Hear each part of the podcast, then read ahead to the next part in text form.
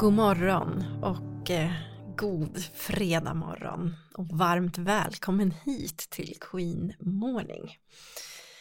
En ny dag har precis börjat och eh, det är lite ljusare den här veckan än vad det var för en vecka sedan.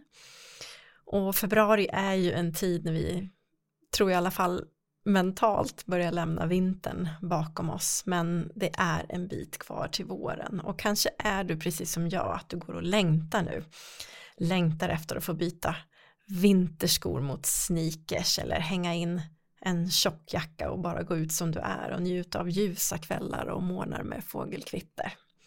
Det kommer. Men februari är ju en, eh, en slags övergångsmånad tänker jag. Och precis som jag sa förra veckan så tycker jag att jag hör runt omkring mig att många är trötta och kanske också lite förkylda. Och därför kan ju februari kännas som en utmaning.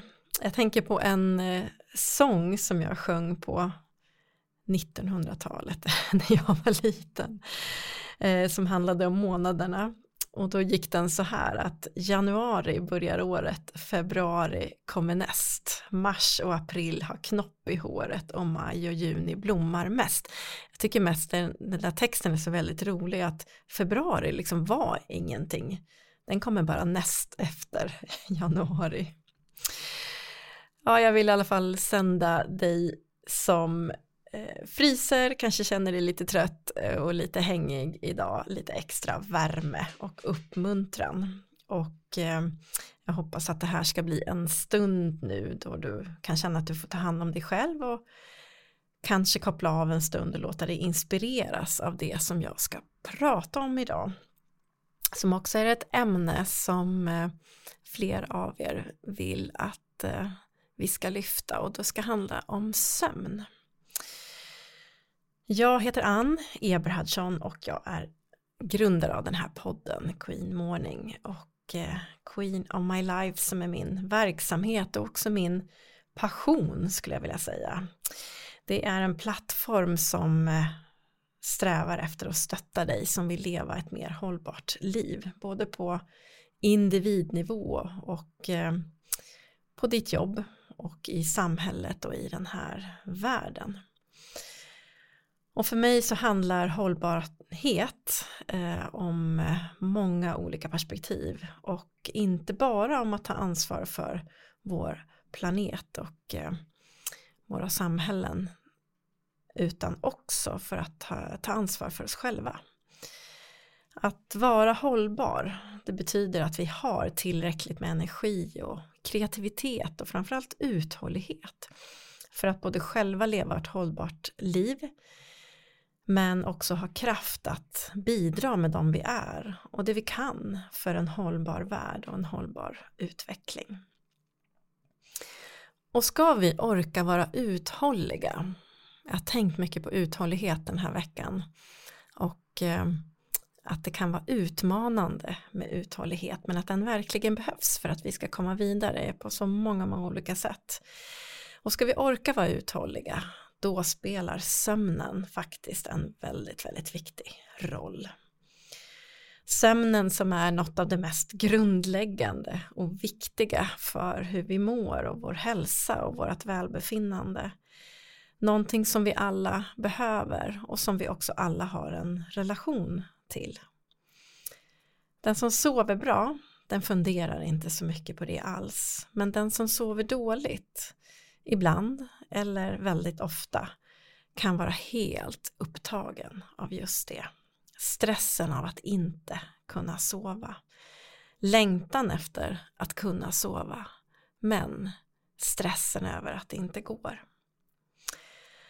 Och vi ska utforska idag varför bristen på sömn är ohållbart och eh, hur sömnen påverkar oss på olika sätt och brist på sömn och vad som händer när den inte blir tillräcklig. Men vi ska förstås inte stanna där utan också ta del av forskning inom det här området och så hoppas jag också du ska få med dig några sätt att eh, kanske komma igång med att ta tag i det där som gör att det är svårt att sova och sova bättre. Innan vi fortsätter nu så tänker jag att vi eh, ska ta några djupa och lugna andetag tillsammans och känna hur luften fyller lungorna. Så dra in ett djupt andetag och håll andan och lägg händerna på hjärtat och andas ut så länge som du kan. Och försök att få också axlarna att sjunka ner. Och försök att slappna av i hela kroppen. Och efter det så hoppas jag att du också kan hålla dig vaken i en halvtimme här med mig. Min egen relation till sömn, det är som ett stormigt äktenskap, för sömnen har sett så olika ut i mitt liv. En sak har alltid varit lika, jag kan somna väldigt snabbt och nästan var som helst, men jag är oerhört lättväckt och så har det alltid varit. De senaste 20 åren så har jag också fått jobba med sömnen på många sätt och det började med att jag blev förälder.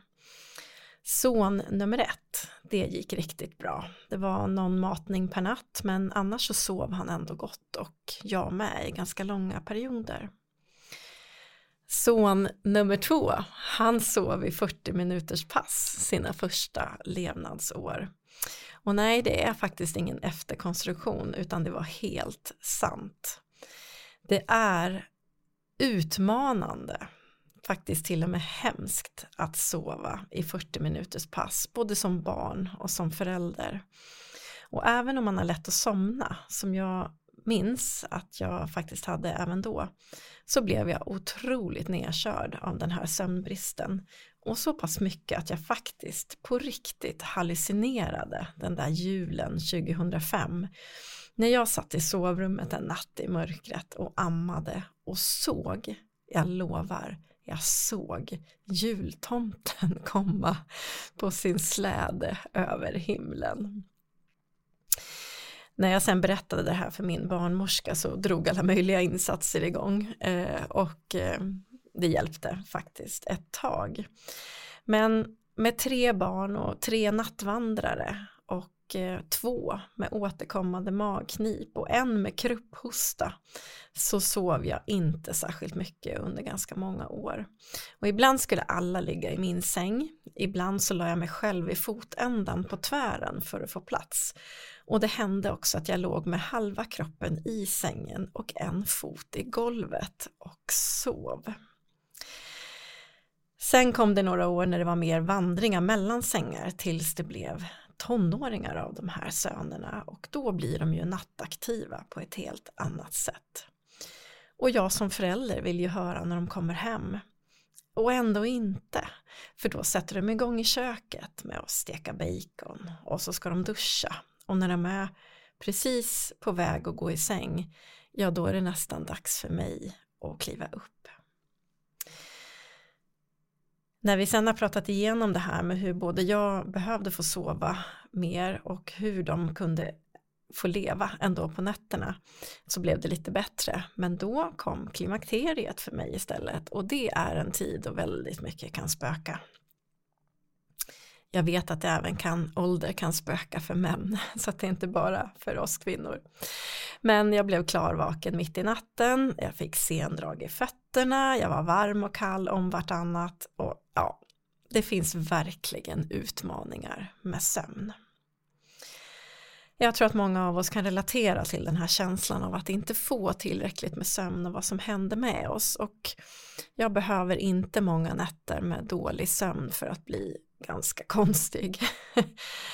Ehm, det kan kännas förvirrande och frustrerande när vi vaknar trötta och vi verkligen inte känner oss utvilade och det kan vara en riktig kamp att komma igenom en dag med bristfällig sömn och det påverkar ju förstås också våran prestation och humöret och på sikt också hälsan. Och att inte få tillräckligt med sömn det är ju som sagt en utmaning som många av oss möter ibland eller regelbundet och oavsett om det beror på stress eller sömnvanor eller andra faktorer, faktorer så är det någonting som vi många delar. Och det kan vara viktigt att försöka förstå varför vi har svårt att sova och hur det påverkar oss för att kunna hitta lösningar på det här som är någonting som så många av oss brottas med. Först så tänker jag att vi ska utforska lite vad sömnen är för någonting. Det är ju inte bara en period av vila för kroppen utan det är en period när det pågår ganska mycket aktivitet på insidan, en aktiv process där kroppen och sinnet återhämtar sig och reparerar sig på olika sätt. Under sömnen så går vi igenom olika stadier som är helt avgörande både för våran fysiska och mentala hälsa. Och det finns mycket forskning som har visat att sömnen har en väldigt tydlig koppling till vår förmåga att minnas, inlärningsförmåga, hantering av stress och reglering av våra känslor. Så sömnen är ju inte bara en paus, en, ett antal timmar, utan en livsviktig aktivitet som ska vara ett stöd för vår hälsa och vårt välbefinnande. Och eh, när jag satt och förberedde den här podden så tänkte jag att ja, men all den här forskningen som, som jag plockade upp och, och tittade på som på många sätt säger ungefär samma sak om varför det är så viktigt att sova, vad som händer när man sover och vad som också kan hända om man inte sover ordentligt. Allt det här vet jag ju och allt det här vet vi, tror jag. Och varför tar vi då inte hand om sömnen bättre? Pratar om den mer? Hjälper varandra mer? Matthew Walker, han är en av de här sömnforskarna och han är professor i neurovetenskap och psykologi vid University of California, Berkeley. Och han är också grundare och chef för ett center för human sleep science vid samma universitet. Han är känd för sitt arbete med att utforska förstås många aspekter av sömn och djupgående effekter på hur vi mår och hur sömn och brist på sömn påverkar oss. Och bland annat så har han skrivit en bok som heter Why We Sleep eh, och hur man då kan hitta eh, nycklar till att låsa upp kraften i att både, att både kunna sova men också kraften i, i det som sömnen ger. Eh, och i den här boken så sammanfattar han då ja, dels årtionden av sin egen forskning men ger också en ganska bra översikt av, av sömnens betydelse. Han eh, förklarar också att eh, det kan finnas vissa tider på dygnet när sömnen tenderar att vara mer kvalitativ och fördelaktig för kroppen än andra. Och är det så att man inte kan sova alls så är det väl klart att de timmar man får sömn är jätteviktiga. Men det finns i oss en naturlig biologisk klocka som reglerar sömn och vakencykel och som också påverkar oss när vi känner oss sömniga och eh, lite mer vakna.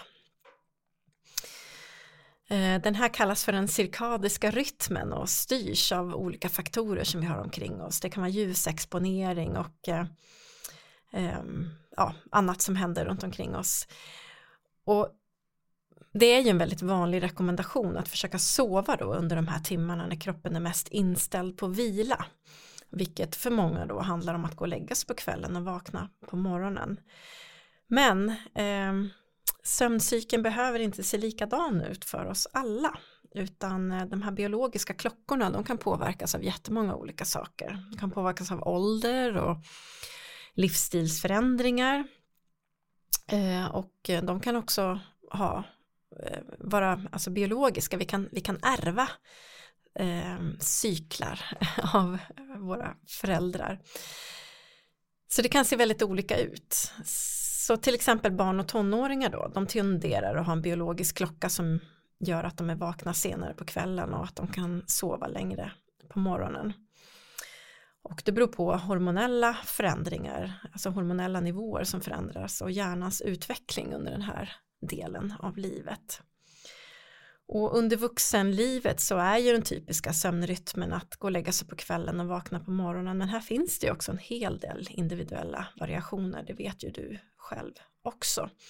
Och här kan ju sådana här faktorer som jobbet och familjeansvar och aktiviteter på olika sätt verkligen påverka sömnvanorna och att de här timmarna för sömn inte riktigt räcker till och när vi sen checkar in för att sova då är det väldigt svårt att, att göra det. När man sen blir äldre, ja men då är det inte alldeles ovanligt, eh, säger han då, att eh, vi kan bli tröttare på kvällen och också vakna väldigt tidigt på morgonen istället.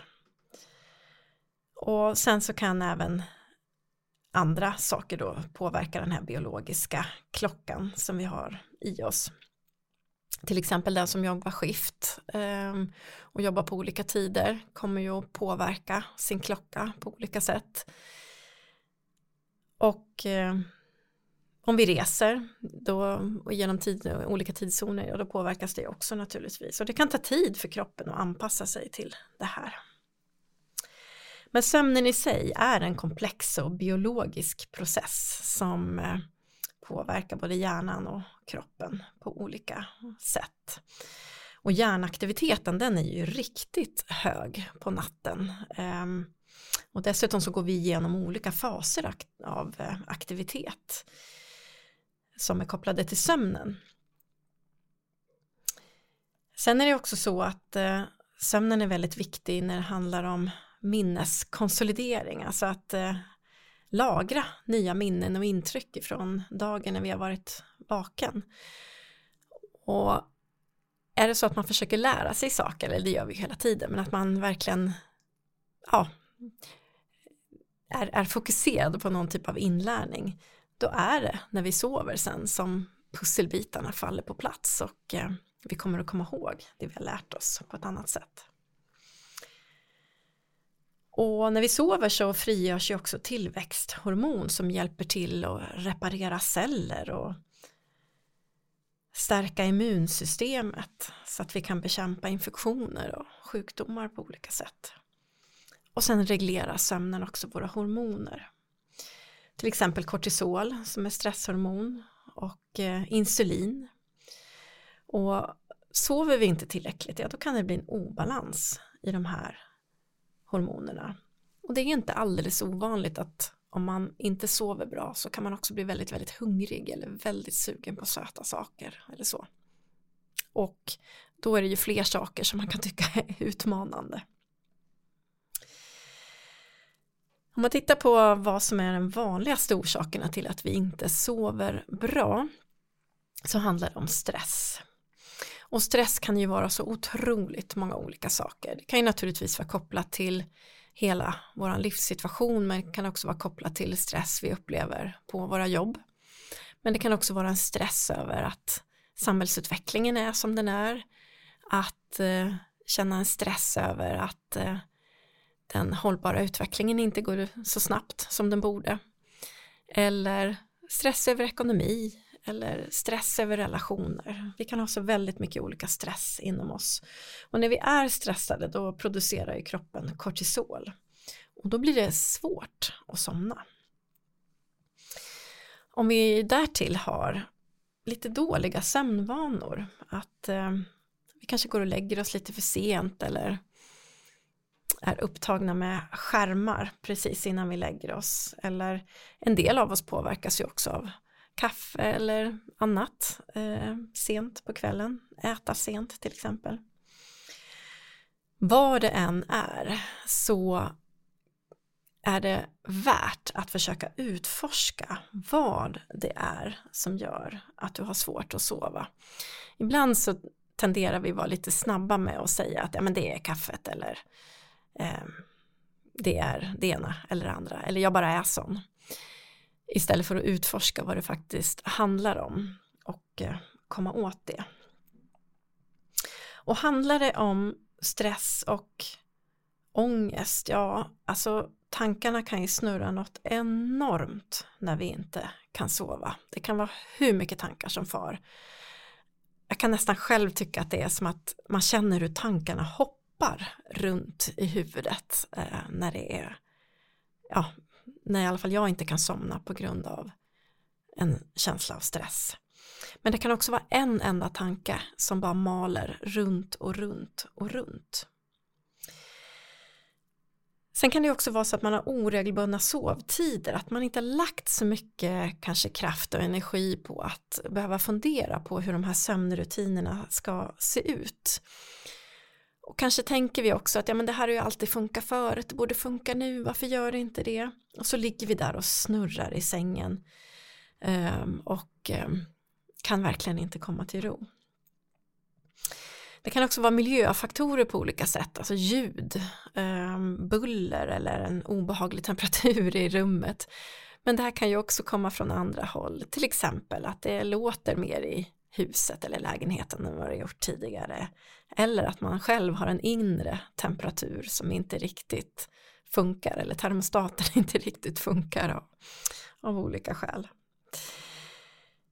Det kan ju också naturligtvis vara så att, att man äter någon typ av medicin eller något annat som gör att sömnen störs. Ehm, men riktigt det tänkte jag inte att vi skulle fördjupa oss så mycket i här. Men det är klart att det kan vara viktigt att identifiera om det är så och så kanske man behöver få hjälp med det. Det kan också vara så här att, att man har svårt att somna för att man har ätit sent som jag sa alldeles nyss och eh, man kanske dricker också för mycket vätska innan man går och lägger sig och då måste man ju gå upp på toaletten mitt i natten. Och sen kan ju som sagt också då hormonella förändringar, särskilt då hos kvinnor men också hos män förstås, eh, påverka hur det går och sova på natten. Och varför är det då så svårt att prata om sömn? Ja, jag tror att det för många av oss kan kännas svårt att erkänna att vi har problem med att sova. Vi kanske tror att det är en, en svaghet eller att det inte är någonting som man ska oroa sig för. Och det är ju svårt att sova för alla ibland. Men jag tänker att skulle vi kunna dela att vi har sömnproblem lite oftare så tror jag att vi skulle kunna få stöd och hjälpa varandra på ett annat sätt också. Och att prata lite mer öppet om vad det får för konsekvenser att inte sova bra.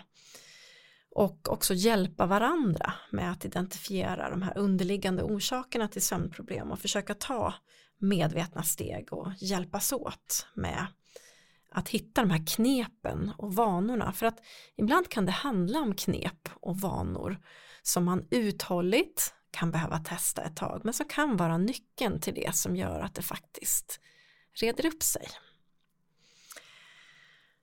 Och eh, jag vill börja med ett tips, det kommer att komma några flera tips här som, som eh, är en summering av, av olika forskares tips att komma igång med att förstå varför man inte sover så bra och vad man kan göra. Men ett tips är att använda en sömnlogg eller en sömndagbok för att försöka spåra dina sömnmönster för att vi har ju lätt att bli som sagt lite generella i våra formuleringar och tänka att jag har inte sovit ordentligt på en vecka. Har jag inte sovit ordentligt på en vecka? Det är ju alltid bättre att försöka få lite fakta på det där. Så att en sömndagbok eller en sömnlogg som man för under ett antal veckor, i alla fall minst tre veckor, det är en jättebra start, loggar överhuvudtaget skulle jag vilja säga, en jättebra start för att observera eh, vad som händer i livet, men nu pratar vi om sömn. Ehm, så när du har loggat sömnen och börjat titta på, ja men vad står det i den här sömndagboken egentligen? Finns det några mönster? Finns det eh, koder som du kan se och som du kan liksom ringa in och få en, en bild av vad det skulle kunna handla om som gör att du har svårt att somna eller svårt att inte vakna många gånger. det kan vara viktigt att se de här mönstren då för att få en vägledning till nya rutiner och när jag gjorde det här så upptäckte jag att jag behöver somna före halv tolv därför att efter klockan tolv då går jag in i ett vakenläge och då skulle jag kunna vara vaken hela natten. Och jag kunde också se i min egen logg här att, att eh, jag sover bättre om jag har tränat eller gått en promenad precis innan jag ska gå och lägga mig. Om jag går direkt från soffan till sängen då kliar det liksom i hela kroppen.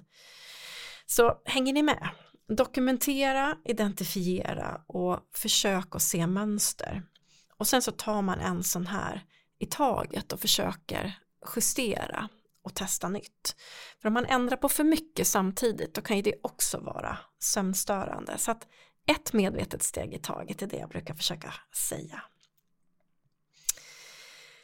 Det är också jätteviktigt att försöka ändra inställningen till sömn istället för att betrakta sömnen som en lyx som man kanske kan få till på helgen så behöver den ju funka varje dag. Det är som jag brukar säga att ska vi ha ett hållbart liv då måste varje dag vara hållbar och sen lyckas vi förstås inte med det alla gånger men att försöka få in det här med också hållbarheten när det gäller sömnen varje dag så kanske det blir varje dag.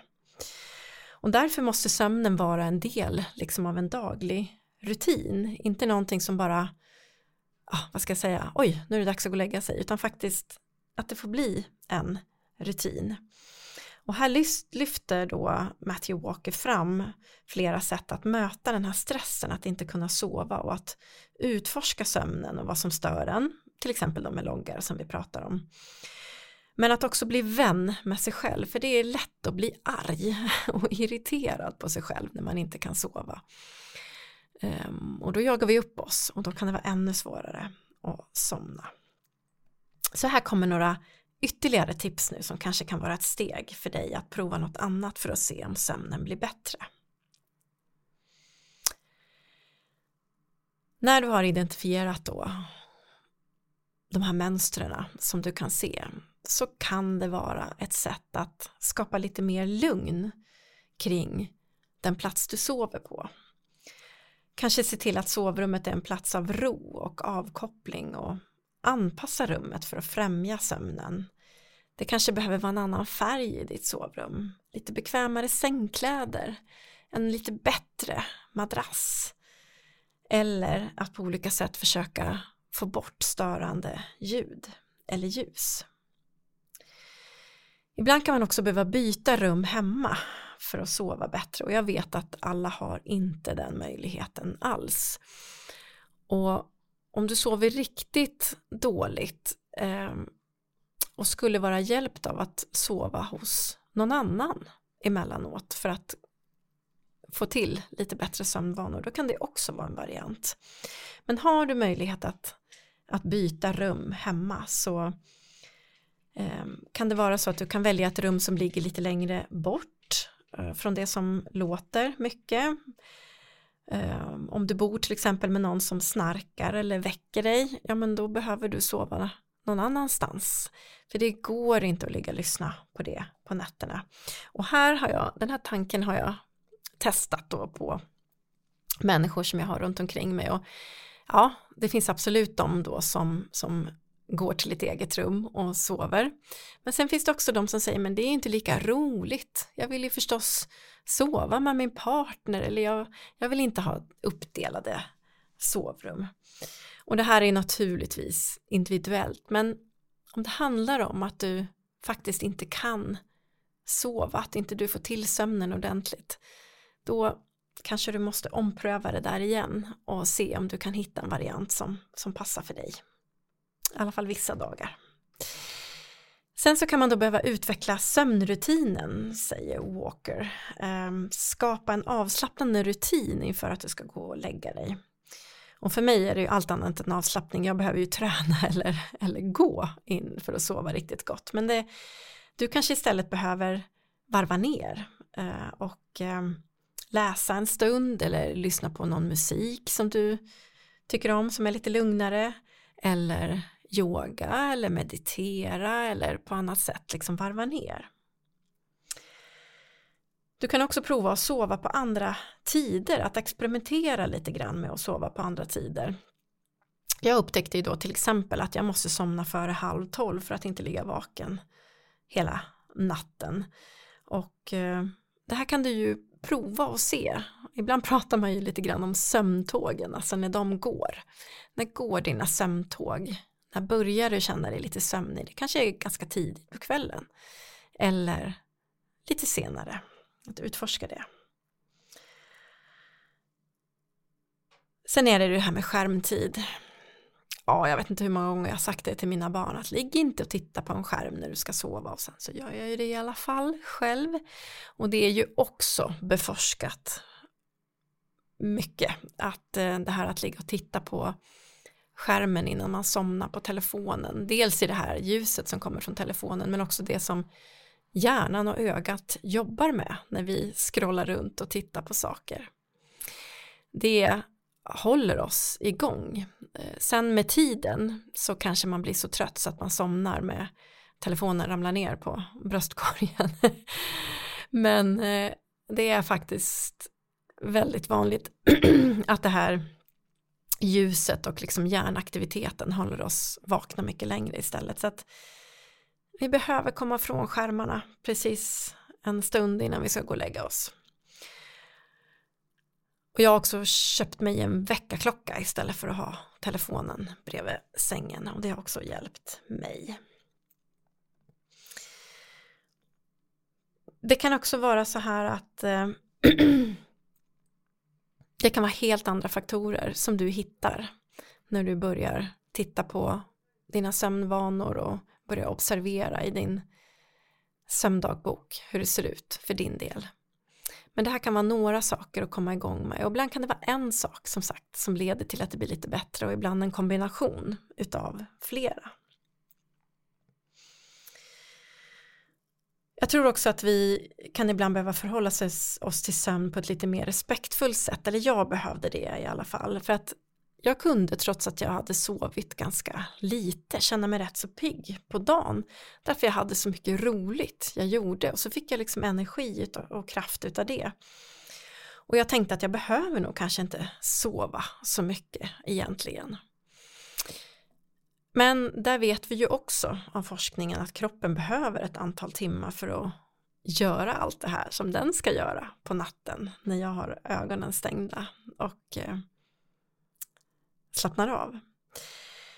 Så för min del så handlade det om att börja respektera sömnen mer och jag fick lov att sätta upp gränser i förhållande till mina tonåringar, och förklara mina behov.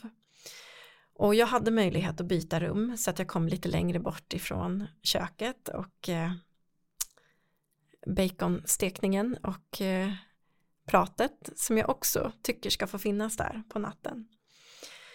Jag slutade som sagt att telefonen i sängen, tog en promenad eh, eller tar en promenad innan jag går och lägger mig.